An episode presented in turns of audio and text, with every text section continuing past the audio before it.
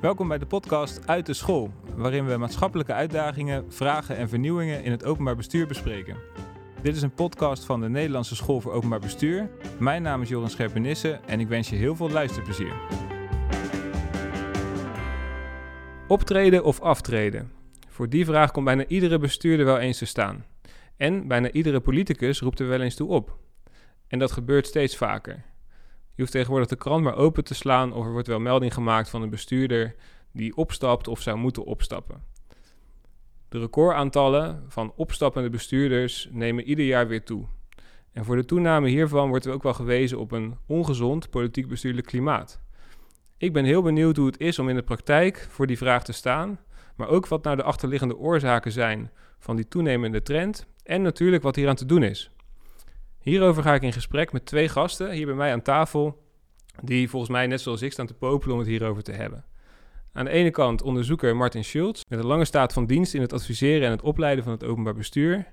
En in, in het bijzonder ook met expertise op het vlak van politiek en politieke verhoudingen. En Martin, je hebt onderzoek gedaan naar het aftreden van wethouders. Ontzettend fijn dat je er bent en dat we hierover met jou in gesprek kunnen. Dankjewel, leuk om hier te zijn. En aan de andere kant hier Marinka Mulder. Jij begint net aan je tweede periode als wethouder van de PvdA voor het sociaal domein in de gemeente Remkem. En daarvoor was je ook raadslid in Culemborg. Uh, en even voor het beeld ook van de luisteraars. Ik begreep dat na dat raadslidmaatschap jij naar Arnhem ging verhuizen. Uh, en je toen eigenlijk plots de kans kreeg om wethouder te worden in Remkem. En dat de verhuisdozen nog niet eens uitgepakt waren, maar dat je toen gelijk door bent verhuisd om die kans te grijpen. Dit was een kans die je niet wilde laten schieten? Ja, ik ging verhuizen naar Arnhem voor de liefde. En, uh, en toen uh, mocht ik wethouder worden in de, de, gemeente Renkum, die aan Arnhem grenst. Dus toen zijn we meteen doorverhuisd naar Oosterbeek, wat uh, tegen Arnhem aan ligt, maar onderdeel uitmaakt van de gemeente Renkum. Ja, kans die je niet wilde laten lopen. Zeker niet, nee. Ja. Het is fantastisch om dat te mogen doen en nog steeds te mogen doen. Ja. ja. Mooi. Nou, we gaan het hebben over dat vraagstuk, over, over aftreden wel of niet. Wat zijn de redenen daarvoor, maar ook wat maakt nou dat het steeds vaker voorkomt. Um, Martin, ik wil met een openingsvraag voor jou beginnen.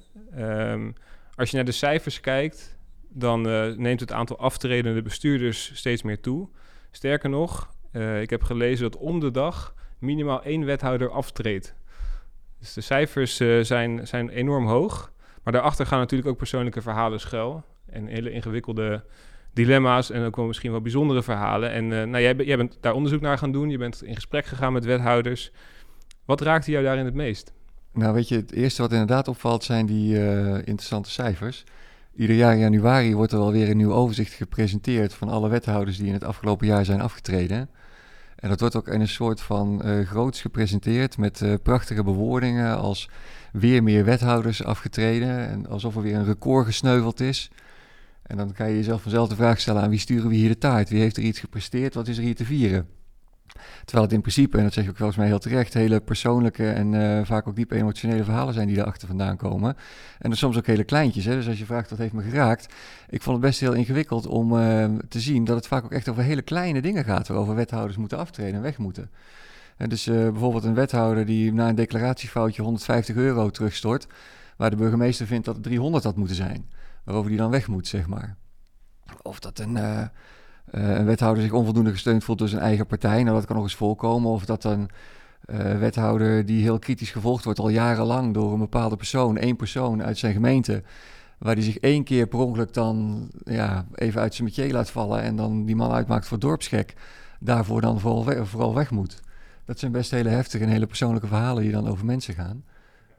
Soms het zijn soms de kleinste dingen waardoor je kan aftreden, blijkbaar. De kleinste dingen. Nou ja, en soms ook wel uh, kleine of ook wat grotere dingen waarom je aanblijft. Het gaat niet alleen om dat aftreden, maar volgens ook over optreden. Wanneer ga je voor dat ambt staan van die wethouder? Dus ik heb in dat onderzoek ook een heel mooi verhaal gehoord van een wethouder die zei: Dit laat ik me niet gebeuren. Uh, dus die werd over in coronatijd over foto's die tijdens zijn bruiloft waren genomen. Uh, werd die politiek ter verantwoording geroepen omdat de mensen te dicht op elkaar hadden gestaan. Um, maar dat gebeurde door iemand die toevallig net een vergunning geweigerd had gekregen, die eigenlijk probeerde daar de gemeente mee te chanteren. En ja, daar zei die wethouder van, hier ga ik gewoon echt niet over aftreden. Dit gaat me niet gebeuren. Daar sta ik voor dat, uh, dat ik deze kwestie recht hou, zeg maar. Nou ja, dan, dan is juist dat je daar gaat staan voor het ambt en dat je aanblijft en dat je die, door die storm heen gaat, ook weer teken van uh, politiek bestuurlijk optreden. ja. En toen zei iemand minister Grappenhaus. En toen, uh, en toen was het helemaal heel kwestie. ingewikkeld. Ja, Ja, zo ja, is het. ja. Maar goed, ja, dus, dus het, ja, het kan soms om de kleinste dingen gaan. Ja. Eh, die worden enorm groot. Eh, die kunnen wel of niet tot aftreden leiden. Ik ben dus heel benieuwd eh, hoe het is in de praktijk. Om, om daar ja, in die context te werken. En ehm, misschien op elk moment ineens voor die vraag te komen te staan. Dus Marinka, hoe is dat voor jou? om- om- Ja, als ik ben dan, als ik zo'n verhaal van Martin hoor, wel meteen benieuwd. Zit daar dan nog iets anders achter? Hè? Is het alleen die 150 euro declaratie of speelde daar al meer? Ik herinner mij heel goed dat toen ik net begon en ik kwam dus van buiten. Ik was nog piepjong, 28, en ik kreeg best eh, zware portefeuilles. Althans, zo eh, ervoer ik dat zelf. Jeugdzorg en financiën. En eh, ik dacht echt, ja, ik moet dat eerste jaar echt volhouden. Hè? En iedere maand kan mijn laatste maand zijn. Maar als ik het niet goed ga doen, dan gaan ze hier nooit meer een jonge vrouw vragen om wethouder te worden. Dus die, dat eerste jaar, en ik kan me ook nog echt herinneren dat ik dacht, toen het een jaar voorbij was, oh gelukkig, een jaar, ik heb, eh, het is me gelukt om een jaar eh, te blijven. Eh, die druk voel je wel. En ook, want iedereen kent de verhalen dat eh, iedere raadsvergadering eh, je laatste raadsvergadering kan zijn. Ook zonder dat je daar zelf denkt grip op te hebben. Eh, dus daar was ik me wel meteen heel erg van bewust. Hoe ga ik die relatie met die raad aan en, eh, en, en hoe stel ik me daarin op? Ja. Ja. Dus je, ja, je voelt dus ook echt wel zo'n soort druk, zeker aan de- in het eerste jaar. Van het kan elk Ja. moment voorbij zijn. Je moet echt op mijn tenen eh, lopen, zeg maar. Want ga je dan ook heel voorzichtig te werk? Betekent dat dat je alles e- dubbel checkt of eh, ehm, een beetje de, de, de lastigere dossiers uit de weg gaat? Of ja, wat, wat doe je dan als je, als je die druk voelt? Nou, ik ben denk ik van mezelf wel wat van de controle. Maar eh, wat mij enorm heeft geholpen is dat ik eh, ook tegen de raad eh, durfde te zeggen, of misschien was het in mijn naïviteit, ja, dit weet ik niet. Ik weet het nog niet. Hè? Ik kom erop terug en, eh, of ik kom met een plan. Terwijl dat ambtelijk ook wel eens werd afgeraden. Van ja, dat is een beetje gek hè. Als je zegt, je kan beter een, een, een antwoord geven dat ergens op lijkt.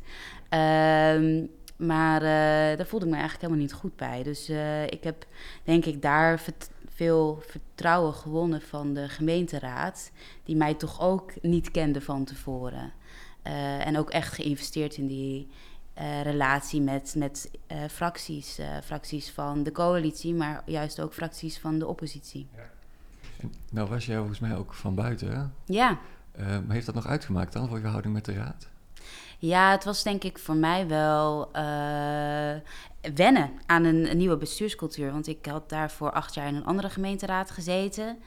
En eh, dan heb je een bepaald beeld van hoe dat gaat tussen raad en college. En eh, ik kende natuurlijk alleen het perspectief vanuit de raad, niet vanuit het college of vanuit de wethouder. Ook in combinatie met de ambtelijke organisatie. Dus dat samenspel moest ik ontdekken.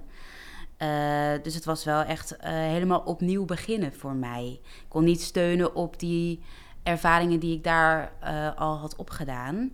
Zeker ook omdat die bestuurscultuur zo versch- verschillend was. of is. Waarin verschilde dat het meest? nou, ik denk dat waar de gemeenteraad van Culemborg erg informeel was,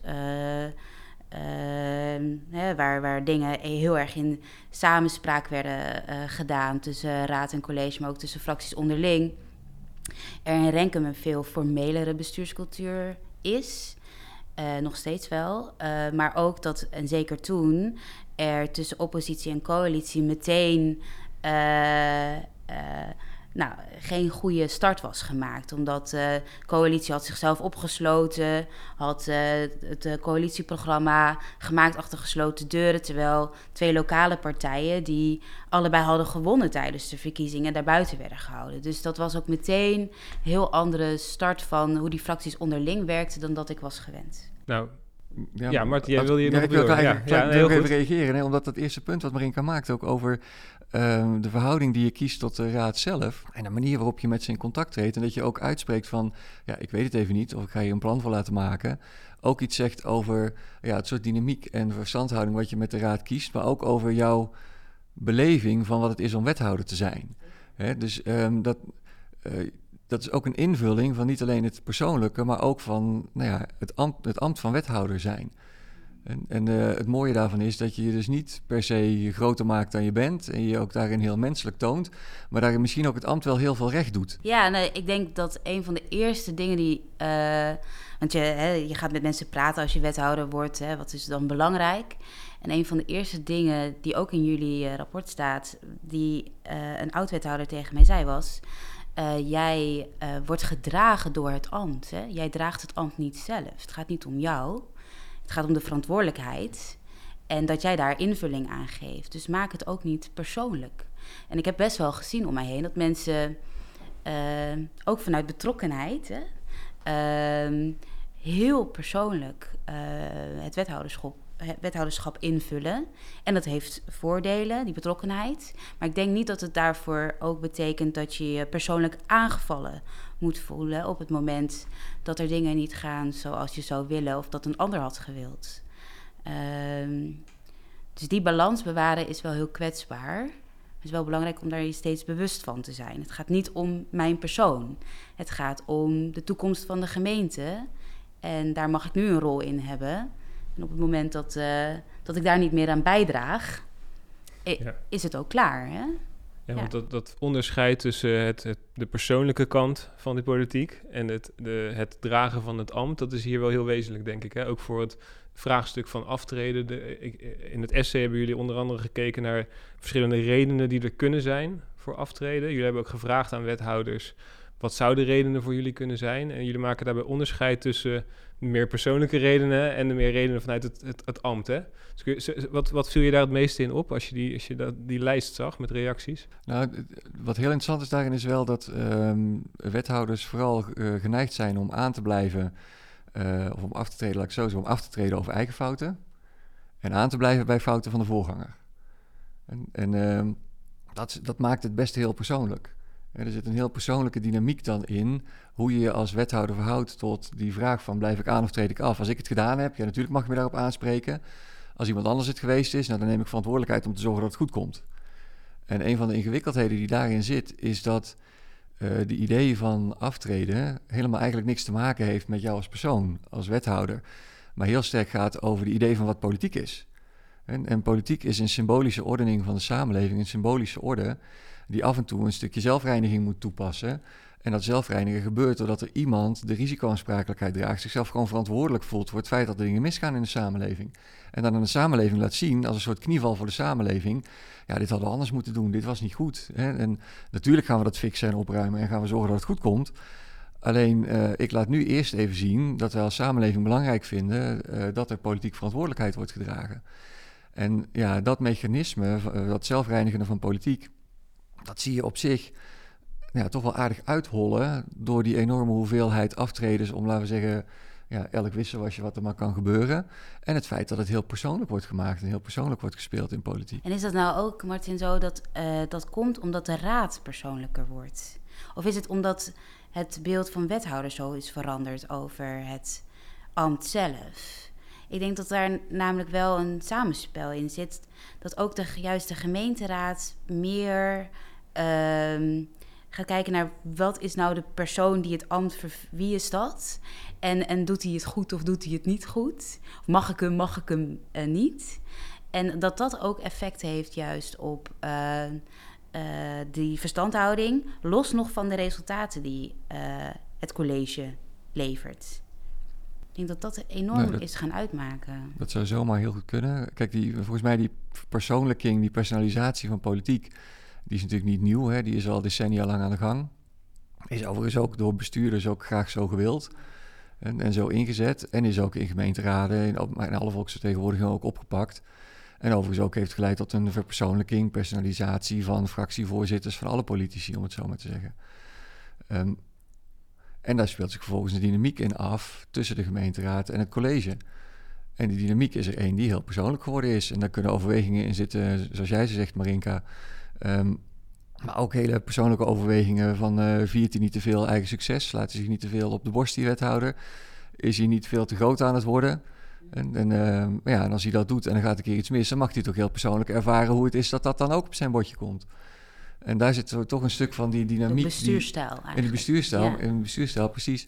En een deel van die dynamiek tussen raad en college speelt zich ook op dat snijvlak af. Hè, in, eh, in het persoonlijk maken van, eh, van zowel het succes als eh, het falen waar het misgaat. Ik wil toch even kijken, want ik wil even het, eh, symbolische, wat je noemt, even ook persoonlijk maken. In de zin dat ehm, eh, het klinkt natuurlijk mooi om te zeggen, je neemt verantwoordelijkheid vanuit het ambt, politieke verantwoordelijkheid. En dat, en dat kan dus ook zijn dat je misschien persoonlijk niks fout hebt gedaan voor je eigen gevoel. Je hebt er alles aan gedaan, maar dat er toch dingen misgaan en dat je daarvoor verantwoordelijkheid neemt. En dat klinkt natuurlijk mooi, maar tegelijkertijd denk ik als wethouder, ja, als je er echt niks aan kan doen. En sterker nog, je hebt ook nog eens het gevoel dat als je aanblijft, dat je eh, dingen kan oplossen en kan verbeteren.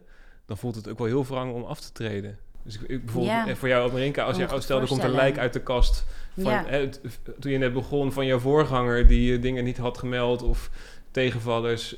Zou dat dan voor jou echt een reden kunnen zijn om af te treden, terwijl je er niks mee te maken hebt? Nou, ik heb er wel veel en vaak over nagedacht. Niet zozeer om af te stellen, maar wel wat gebeurt er nu? Want ik heb best wel veel wethouders om mij heen zien aftreden. Bijvoorbeeld omdat de tekorten in het sociaal domein en specifiek op de jeugdzorg zo opliepen. En ehm, ja, dat is natuurlijk heel, heel moeilijk om dat goed te duiden als je niet precies weet wat daar is gebeurd. Maar als dat de beweegreden is, dan is dat niet per se de oplossing voor dat probleem. Bovendien, alle gemeenten zaten met eh, die tekorten. Dus ik snap, hè, ik, heb, ik heb het ook heel vervelend gevonden om iedere keer tegen mijn gemeenteraad te moeten zeggen: nee, ja, sorry. eh, het is weer niet gelukt om binnen de begroting te blijven. En het lukt niet om eh, uit te komen met die rijksmiddelen. Ehm, maar ja ik, ja, ik kan me ook wel voorstellen dat die wethouders, omdat zij verantwoordelijk werden gehouden voor iets wat groter was, waar zij invloed op konden uitoefenen, dat het voor hen ook eh, niet meer houdbaar was op enig moment. Hè? Dat je dan toch zegt, ja, dit, eh, dit kan ik niet meer eh, bolwerken. Hier kan ik niet de verantwoordelijkheid dragen die wel van mij wordt verwacht. Dus ik ga iets anders doen. Maar dat, ik weet niet of dat nou ook een belangrijke reden is voor veel wethouders om uiteindelijk af te treden. Die, dat die invloed die je kan uitoefenen kleiner is dan de verantwoordelijkheid die je op je schouders draagt. Waarvan je. Dat is een van de redenen Ja. die wethouders ook aangeven waarom ze eh, zijn afgetreden. Ehm, de ingewikkeldheid in de casus zoals jij, zoals jij hem schetst, eh, Marinka, lijkt me ook nog dat eh, het maakt heel erg uit in wat voor dynamiek die gemeenteraad op het moment met zichzelf is. En, en hoe groot het probleem is wat politieke verkoeling nodig heeft in die gemeenteraad. Dus eh, als jouw gemeenteraad heel goed het verhaal begrijpt ehm, waarom het ingewikkeld is om eh, binnen, de, binnen de begroting te blijven en dat je met de middelen niet uitkomt en dat dat eigenlijk ja, relatief weinig te maken heeft met eh, hoe jullie het in Renken hebben aangepakt. Ja, dan kan het zomaar anders zijn dan in een andere gemeente waar dat besef misschien, kan ik ook niet bij, ben ik ook niet bij geweest, maar niet zou bestaan. Dus die dynamieken zijn natuurlijk wel heel relevant. Dat denk ik ook. Hè. Dus het is, dat is ook het samenspel waar je. Waar, hè, we hadden het er net al even over. Dat investeren in die relatie. Dat is echt heel belangrijk. Dat je snapt als wethouder vanuit welk perspectief zo'n raad kijkt naar eh, de problemen waar, je, waar jij iedere dag en zij iedere week eh, mee te dealen hebben op een ander abstractieniveau. En als dat niet bij elkaar aansluit, dan bent, ontstaat daar sneller ruis op, denk ik. ja, je, je bent zelf raadslid geweest. Nu- Ja. Nu, zit je in die wethouderspositie. Kijk je nu heel anders naar, naar die rol van raadslid of hoe je dat goed invult, nu je ook die wethouderspositie hebt gehad? Nee, eigenlijk is dat niet zo erg veranderd. Ik denk dat een raad, eh, een gemeenteraad, en dat is het mooie ervan, ehm, kent heel veel verschillende tonen. Hè? Dus je hebt allemaal verschillende soorten mensen die daar hun idealen vertegenwoordigen. En eh, ik denk dat je als eh, college als geheel eh, heel erg moet zoeken naar hoe vinden we die aansluiting, dat wij dat tandem wor- wor- worden samen, waarin wij verantwoording afleggen op zo'n manier dat zij hun controlerende taak goed kunnen uitoefenen, kunnen bijsturen waar dat nodig is. Dus ik denk dat je vooral, eh, waar, waarvan ik toen ik raadslid was al was van overtuigd, je moet wel je rol uitoefenen richting dat college zonder op de stoel van dat college te gaan zitten en, en andersom. Hè, ik denk dat ook veel wethouders die eh, toch denken, nou, ik, ik wil nu door. En eh, hè, dus de raad moet maar mee. Ik neem de raad mee. Ehm, in plaats van dat ze die, die, die verhouding goed uitnutten en dus de raad ook en juist misschien wel alleen laten besluiten. Ja. In plaats van dat je het helemaal op jezelf betrekt en zegt: Ik heb dit besluit genomen. Ja, ja. Het is aan de raad. Ja. Het is de rol van de raad. Ja, ja dus het, het gaat ook heel erg over het samenspel tussen raad en college. Hè? Dat, dat komt nu heel duidelijk naar voren. En, en Martin, jij beschreef net al een soort zelfversterkende dynamiek van politiek die persoonlijker wordt. Ehm, eh, wat ook steeds meer leidt tot aftreden om persoonlijke redenen. Wat misschien ook weer ten koste kan gaan van de symbolische waarde van het aftreden. En daar zit, daar zit voor mij nog wel een interessante puzzel. Want is dat is aftreden dan ook aan inflatie onderhevig? In de zin dat als je het steeds maar weer om persoonlijke redenen doet, dat de symbolische waarde ervan ook minder wordt. Absoluut. Maar ja, en sterker nog, op een gegeven moment eh, ga je de verhalen horen van een aftreden is alleen nog maar symbolisch. Waarom doen we dat eigenlijk? Ik heb liever dat mensen optreden. En dan is die symbolische waarde helemaal verdwenen, om het zo maar te zeggen. En er zit nog eigenlijk nog een hele interessante ja, gevolg ook nog weer aan aan die persoonlijking van politiek. Dat op het moment dat je dan moet aftreden, en ook gedwongen moet aftreden of weggaat, is er rondom dat aftreden ook echt een hele grote zwaarte en ook een hele negatieve connotatie. eh, die, met je, die je heel lang met je mee kunt blijven dragen als oud-wethouder. Want het is toch eerloos en persoonlijk falen. En zo wordt het dan gezien. Hè? Het is het niet, maar zo wordt het gezien. Ehm, terwijl uiteindelijk, als je aftreedt om die symbolische reden, ja, dan is dat ook voor een deel soms nog heroïsch om die verantwoordelijkheid te dragen en af te treden. Eh, en je schept het juist ook heel veel perspectief. Hè? Dus mensen die in zo'n persoonlijk perspectief aftreden, die zeggen vaak ook gedacht tegen de politiek als geheel. Die vertrekken ook uit politiek. Terwijl er altijd weer de, mogelijkheid van terugkeer zou moeten zijn. Hè? Want het is niet persoonlijk, het is tussen ambten. En eh, nou ja, dat zie je zowel bij wethouders, maar ook op andere bestuurlijke niveaus zie je het wel gewoon gebeuren dat mensen dan daarna weer terugkeren. En dit roept dus ook de vraag op wat, wat je zou kunnen doen. En, en dan gaat het dus niet alleen over hoe maakt nou een wethouder de goede keuze, zeg maar, hè, tussen aftreden of optreden. Maar wat zou je nou kunnen doen aan, aan die goede bestuurstijl, aan die relatie tussen raad en college. Eh, Ja. En daar zou ik wel met jullie naartoe willen. Hè? Want dat, dat, daar kun je ook over vooruitdenken. Daar kun je ook eh, aan, de, aan de start van een nieuwe collegeperiode over nadenken. Hoe, hoe gaan we hier de verhoudingen goed krijgen? Ehm, en Marenke, ik wil eigenlijk ook even terug naar jouw eerdere ervaringen in Remkem. Want jij bent op een gegeven moment ook in... eh, Tenminste, de gemeente is wel in een soort storm ja. terechtgekomen. Hè? Misschien kun je ons heel kort meenemen. Dat ging over een zweefvliegtuig wat binnen Ja. moest worden gehaald. Een En- replica van een zweefvliegtuig. ja, vertel. Ja. Eh, wij, eh, wij herdachten 75 jaar Airborne in onze gemeente. En daar was een project waar ook Prins Charles naartoe kwam. Eh, namelijk een zweef, inderdaad een zweefvliegtuig. Een replica daarvan werd nagebouwd. En de burgemeester en de verantwoordelijk wethouder... die waren voortvarend aan de slag gegaan om dat ook te realiseren. Want dat was toch fantastisch en super gaaf. Ehm, maar eh, de gemeenteraad die zat op dat moment erg op de centen. Eh, dat is ook de rol van de raad. En die voelde zich niet meegenomen in het besluit wat daarover werd genomen om een bepaald risico aan te gaan. En ook niet goed geïnformeerd op het proces. Ehm, en dat speelde zich allemaal zo ook rond het zomerreces af. Dus er was ook niet veel ontmoeting eh, tussen raad en college van, als vanzelfsprekend. Plus dat we, en dat vertelde ik net al, in de coalitie-oppositieverhouding sowieso al eh, moeilijkheden hadden. Ehm, dus uiteindelijk eh, kwam het project er met een overschrijding van uit mijn hoofd iets minder dan 20.000 euro. En dat was reden voor de gemeenteraad om een eh raadsenquête in te zetten. Dus dat is nou, een van de zwaarste instrumenten die een raad kan inzetten om eh, te bekijken wat is hier eh, nu gebeurd. Hè? Dus je kan vragen om een evaluatie of om een extern onderzoek. Maar dit werd echt een raadsenquête waar mensen onder ede eh, werden verhoord. Over hoe die informatievoorziening naar de raad nu was gegaan. Jij zelf ook? Of, Ik zelf ja. ook, want ik had me daar vanuit financiën ook tegenaan bemoeid. En ehm, dat resulteerde uiteindelijk tot een rapport waarin een heel aantal aanbevelingen werden gesteld over hoe wij onze projectorganisatie, et cetera, beter op orde moesten krijgen. Maar ook tot de conclusie die we gezamenlijk hebben genomen. Wij moeten echt gaan investeren in die bestuurscultuur. Hè, om eh, dat, die, dat nodige samenspel goed op orde eh, te hebben. Vanuit het gehele college met de gehele eh, raad. Niet alleen tussen individuele wethouders met fracties of een deel van de gemeenteraad.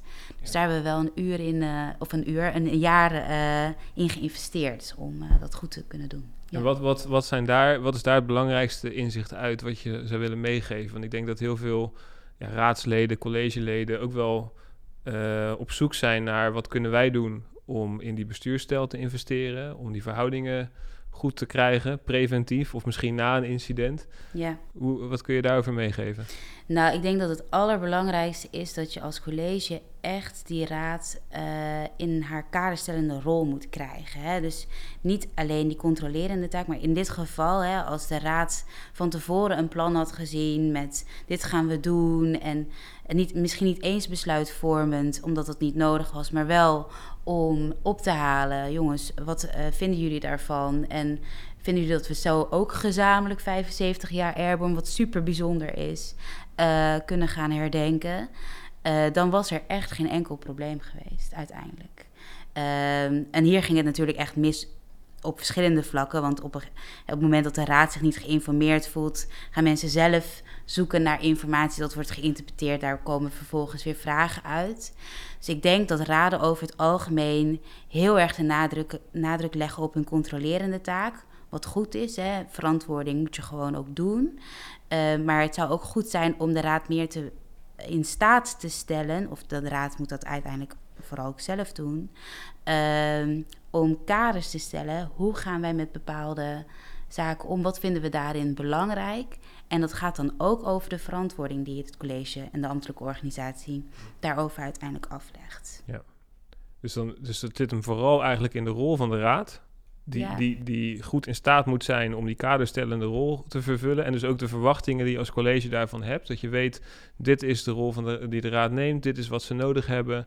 En daarmee kun je voor een deel al voorkomen dat je in een soort spel komt met informatie die, die van buiten komt of die onduidelijk is? Of... Nou, ik denk dat als je de uh, gemeenteraad ziet als een raad van toezicht die een beetje van achteraf moet volgen hoe jij het als bestuurder doet, dan doe je de gemeenteraad tekort.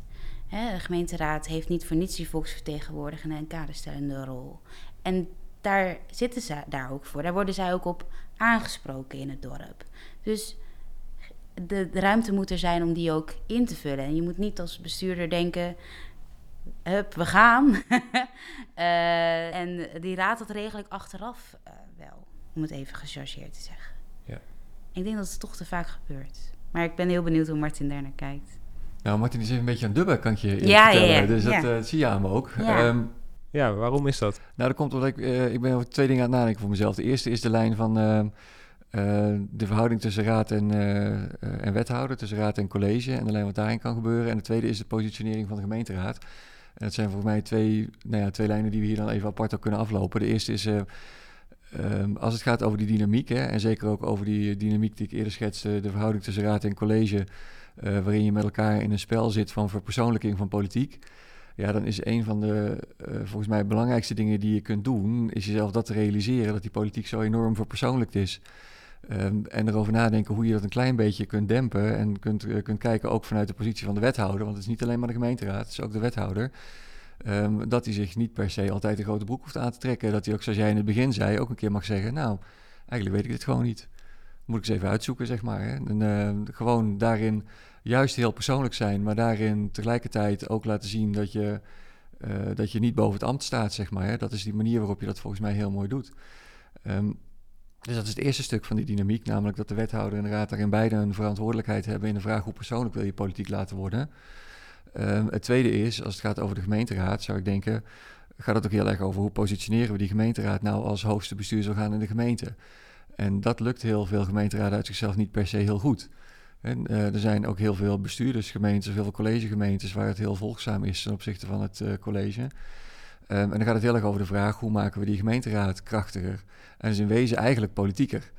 En dus uh, dat, is, uh, dat is voor mij vooral een kwestie van hoe politiseren we zo'n gemeenteraad nou goed. Um, hoe zorgen we dat die echt in zijn, in zijn positie komt. Voor mij zou de kwestie hier zijn, het is niet alleen maar een kwestie van rollen van de gemeenteraad. Namelijk van, is het nou kader stellen, is het nou volksvertegenwoordiger, want ze zijn natuurlijk altijd volksvertegenwoordiging. Uh, is het nou controleren en de verhouding daartussen, maar eigenlijk van politiek bedrijven ooit zijn we begonnen met het idee van het dualisme. Vanuit het idee, we moeten die gemeenteraad politieker maken. We zijn ons vervolgens af gaan vragen, hoe maken we die gemeenteraad politieker? En toen heeft iemand bedacht, laten we dat misschien noemen, kader stellen, controleren, dat soort type van dingen. Dus in ieder geval mijn, mijn reconstructie van hoe we aan die termen zijn gekomen. Maar die zitten in belangrijke mate ook heel erg in de weg, die termen, in ieder geval in mijn optiek. Um, omdat ze voorkomen, uh, of omdat ze in ieder geval heel erg in een keurslijf plaatsen wat zo'n gemeenteraad te doen heeft. Terwijl die gemeenteraad er zit om politiek te bedrijven vanuit alle verschillen die er, die er in de samenleving zijn. Met elkaar in debat over iedere scheidslijn, ieder thema, alles wat ons opvalt in die samenleving, waar we van denken, daar moeten we iets mee. En daar met elkaar over in debat zijn. En dat wordt heel erg ingekaderd in die ideeën van kader stellen en controleren, waardoor er ook heel veel rol of politiek van die gemeenteraad gewoon niet tot stand komt. En nou ja, mijn oproep zou dan ook zijn aan gemeenteraden en aan colleges om daar wat meer oog voor te hebben. Marinka, ik zie jou heel, heel Ja, nee, ik denk, ik denk, ik denk, nou ja, want ik denk dat, um, uh, dat je helemaal gelijk hebt. Maar ik geef maar even woorden ook vanuit mijn politieke opvoeding aan wat ik uh, vind uh, dat een gemeenteraad moet doen. En toen ik zelf raadslid was, gebeurde het zo ontzettend vaak dat een college kwam of met een stuk van zichzelf, of nog erger, met een stuk uit de regio. En dan was het ja of ja met applaus. En dan denk ik, ja, wie is hier nu het hoogst orgaan? Ja, uh, jij of ik? Dus ehm, ik denk ook, en dat, dat vond ik ook heel bijzonder toen ik in Renkum kwam werken, dat ik daar wethouder mocht worden we zaten daar met een enorme financiële opgave en de gemeenteraad zei: Succes, wethouder. Terwijl ik dacht: ja, maar dit is ons probleem. Jullie zijn het hoogste orgaan, jullie hebben het budgetrecht. Wij moeten met elkaar het debat aan over wat voor gemeente willen wij zijn en wat past er aan voorzieningenniveau bij en wat mag dat dan allemaal kosten. Dus het is meer uh, die woordenkade stellen, controleren, volksvertegenwoordigen. is meer, uh, denk ik, vanuit mijn uh, politieke opvoeding dat ik denk zo geef ik daar woorden aan. Maar ik ben het helemaal met je eens. Het moet politieker. Ik verwijt het jou ook niet hoor. Um, wat, herken je dat uit de praktijk? Ik ben eigenlijk wel heel benieuwd. Want ik heb intussen al zoveel wethouders horen zeggen... nee, die raad moet zich gewoon beperken tot zijn taak. Namelijk controleren, kader stellen, volksvertegenwoordigen. En verder niet En dan... Um, en raadsleden die dat ook geloven. Hè? Raadsleden die zeggen: nee, ik ben er voor controleren, kader stellen, volksvertegenwoordigen, zeg maar. En, en nou ja, daarmee raakt heel veel van wat eigenlijk de essentie van politiek is kwijt, voor mij naar mijn idee. Ja, nee, ik denk dat de raad in de eerste plaats zelf gaat over wat haar rol is. En ik denk, vind wel dat daar een goed gesprek of debat tussen raad en college kan zijn over hoe uh, houden we elkaar in balans en waar versterken we elkaar. En uh, uh, een beetje terugduwen als college op een raad dat mag best. Hè? Als die raad maar zelf een hele heldere opvatting heeft over waar zijn wij van? En wat dat dan is, dat bepaalt de raad en niet het college. Nou ja, als dat inderdaad maar zo is, dat zo'n raad inderdaad eh, begrijpt dat het teruggeduwd wordt. Ja. En dat het niet betekent dat, ze, dat, dat, dat het college gelijk heeft, zeg maar. Nee. Dat het niet mag of dat het verboden zou zijn. Ja, ja. ja dat, dat, dat is echt cultuur. Hoe, je, hoe, hoe kijkt de raad naar het college? Ja. Nou, het is in ieder geval ook bijzonder om te horen dat jullie daar in Remken ook echt zo mee aan de slag zijn gegaan, hè, tussen college en raad. Ja. Uh, dus, dus, en dat is denk ik ook uh, uh, misschien wel een oproep naar andere gemeenten, colleges, gemeenteraden, om, om, te, om, ook bewust te kijken naar die onderlinge verhoudingen mm -hmm. en hoe dat heeft plaatsgevonden. En dat is voor mij eigenlijk een bruggetje richting het einde. we gaan afronden. en ik wil jullie eigenlijk nog één slotvraag stellen. Er is nog veel meer te vragen hierover, maar Um, je, je, gaf Marinka net mooi aan hoe het was ook om als wethouder te beginnen. Je zei ook als jonge vrouw, ja, je begint net, dus er zit ook een bepaalde druk op. Heb jij misschien een boodschap voor, voor nieuwe jonge wethouders in het land, die misschien ook nu wel met die spanning zitten van, nou, hoe ga ik dat eerste jaar overleven? Wat zou je hen willen meegeven? Nou, ik denk uh, durf te zeggen dat je twijfelt. Durf ook te twijfelen, dat, daar begint het mee. En durf dat dan ook te vertellen. Uh, en uh, weet dat zolang jij tegen jezelf ook kan uitleggen... ik heb het oprecht hè, op de goede manier geprobeerd te doen... dat dat het beste is wat je kan doen.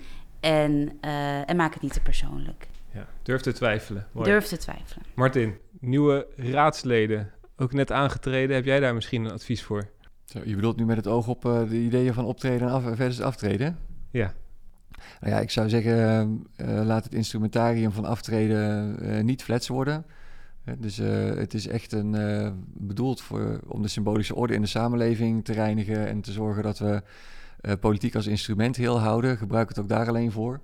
Ehm, dus ik ben wat eh, terughoudend eh, ehm, met het al te scherp maken op de persoon van de wethouder van, die, van al je ideeën over hoe het anders zou moeten. Ehm, vind, vind ik eigenlijk de idee die Marinka net opperde van als je het aan jezelf kunt uitleggen, dan heb je het eigenlijk wel goed gedaan. Ehm, geldt natuurlijk ook voor de gemeenteraadsleden. Dus laat je niet te gemakkelijk door de wethouder vertellen wat wel en niet je rol is. Dat is misschien uit het laatste deel van het gesprek nu ook nog wel naar voren gekomen. Ehm, Mooi. Hartelijk dank voor jullie deelname. Heel mooi gesprek. Eh, we ronden het hierbij af. Eh, veel succes de komende collegeperiode. Dankjewel. Het, eh, het essay over optreden en aftreden is na te lezen op de website. Eh, en verder eh, ontzettend veel dank voor het luisteren en op naar de volgende. Je luisterde naar een podcast van de Nederlandse School voor Openbaar Bestuur. Wij publiceren regelmatig over maatschappelijke vraagstukken en vernieuwingen binnen de overheid. Benieuwd naar meer van ons werk of onze opleidingen? Kijk dan op onze website, volg ons op LinkedIn of abonneer je op de nieuwsbrief. En blijf natuurlijk luisteren naar Uit de School.